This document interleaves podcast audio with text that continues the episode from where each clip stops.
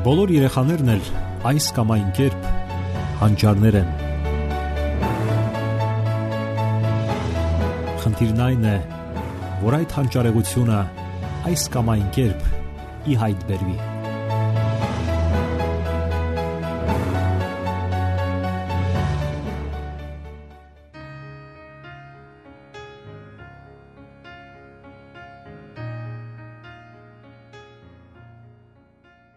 Բարև ձեզ սիրելի ռադիո լսողներ, եթերում դասերակցություն հաղորդաշարն է։ Երեխայի մեջ ինքնուրույնություն դաստիարակելը որոշակի ջանքեր պահանջող գործընթաց է։ Այդ պատճառով էլ շատ ծնողներ գերադասում են իրենք անել ամեն բան երեխայի փոխարեն, այդպես եւ արագ է եւ հուսալի։ Իհարկե հեշտ է կաթը լցնել բաժակի մեջ եւ խմեցնել փոքրիկին, քան հետևել թե ինչպես է նա դանդաղ եւ անկանոն շարժումներով փորձում ինքնուրույն անել դա եւ դեռ թափվելու վտանգ էլ կա։ Սակայն հասկանալի է նաեւ, որ չի կարող այդպես շարունակվել երկար։ Երեխան կհասունանա եւ կպարզվի, որ այնքան քիչ բան է կարողանում անել ինքնուրույն, նաեւ որովհետեւ հնարավորություն չի ունեցել ժամանակին սովորելու։ Իսկ երբ է երեխայի մեջ ինքնուրույնություն դասերակելու ժամանակը։ Մասնագետներն ասում են, որ երեխան ինքը կհուշի ձեզ։ Դա տեղի կունենա այն ժամանակ, երբ նա ինքը կցանկանա որևէ բան անել ինքնուրույն։ Շատ կարևոր է նկատել այդ պահը եւ բաց չթողնել հնարավորությունը, չարքելակելով երեխայի մղումները։ Պարզապես հարկավոր է մեկ անգամ ցույց տալ եւ հետեւել, որ երեխան անի ամեն ինչ, իսկ հարկավոր պահին ուղղել վրիպումները։ Հարկավոր է ցույց տալ հանդարտ, առանց շտապելու եւ լարվածության, որpիսի նա հասկանա, որ այդ գործողության մեջ ոչ մի բարդ բան չկա եւ ինքը կարող է անել դա։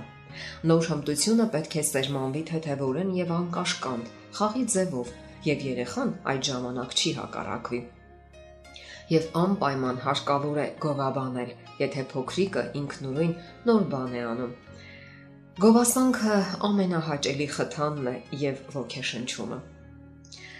Իսկ ինչ անել, եթե փոքրիկի մոտ ինչ որ բան չի ստացվում։ Սա կարևոր պահ է։ Պետք է հասկանալ, որ առաջին անգամից միշտ չէ որ ստացվում է։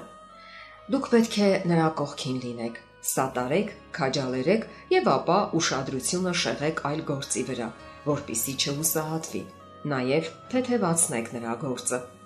Եթե սովորում է հակնել շալվարը, այն պետք է լինի հնարավորինս པարս ոճի, որpիսի երբ հաղթահարի դա, սովորի հակնել նաեւ կոճակներով շալվարը։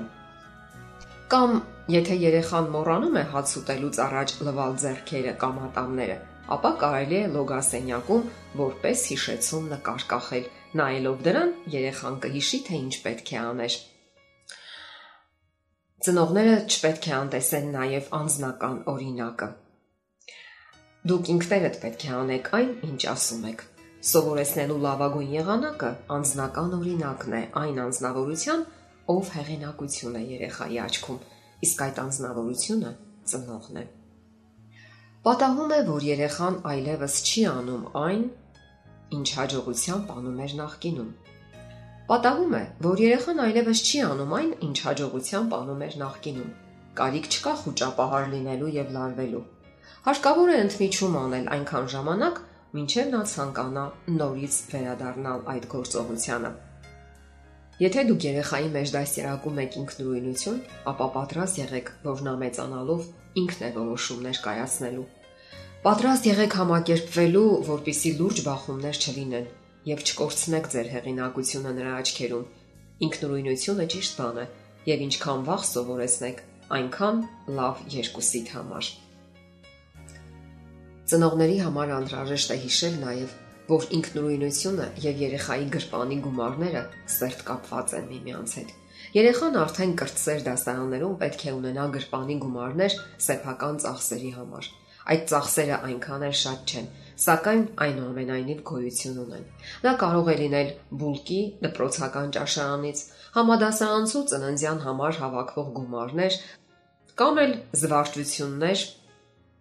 դասերից հետո ընկերների հետ միասին Գրպանի դրամների միջոցով նա շփվում է հասուն կյանքի հետ, սովորում տնտեսության եւ անձնական գումարները տնորինելու հիմունքները։ Հիմա նա հարկադրված է ամեն օր որոշումներ ընդունելու այս կամ այն գնումը կատարելու առումով։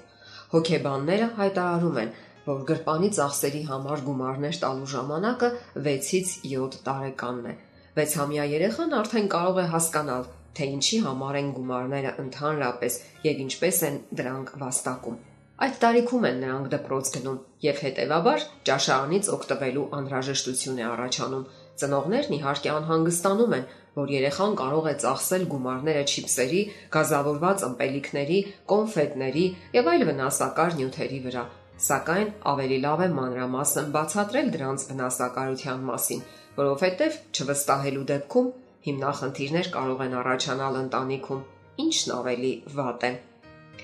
Իսկ ինչքան գումար կարելի է տալ երեխային։ Կարելի է հարցնել, թե նրա դասարանցիները ինչքան գումար են բերում դպրոց, եւ դուք էլ կարող եք տալ դրա միջին չափով։ Եթե մտածում եք, որ ձեր երեխան զոր է տալիս երևակայությանը, կարող եք կիսվել մյուս ծնողների հետ եւ իմանալ մոտավոր թվերը։ Հնարավոր է ձեր երեխան սովորում է ծանրակշիռ դպրոցում եւ որոշ երեխաների գրպանի ծախսը հավասար է ձեր ամսական աշխատավարձին։ Այդ ժամանակ իհարկե իմաստ չկա երեխային տալու ձեր վերջին գումարները։ Տվեք այնքան, որ դա ցավագին հարված չլինի ձեր ընտանեկան բյուջեի համար։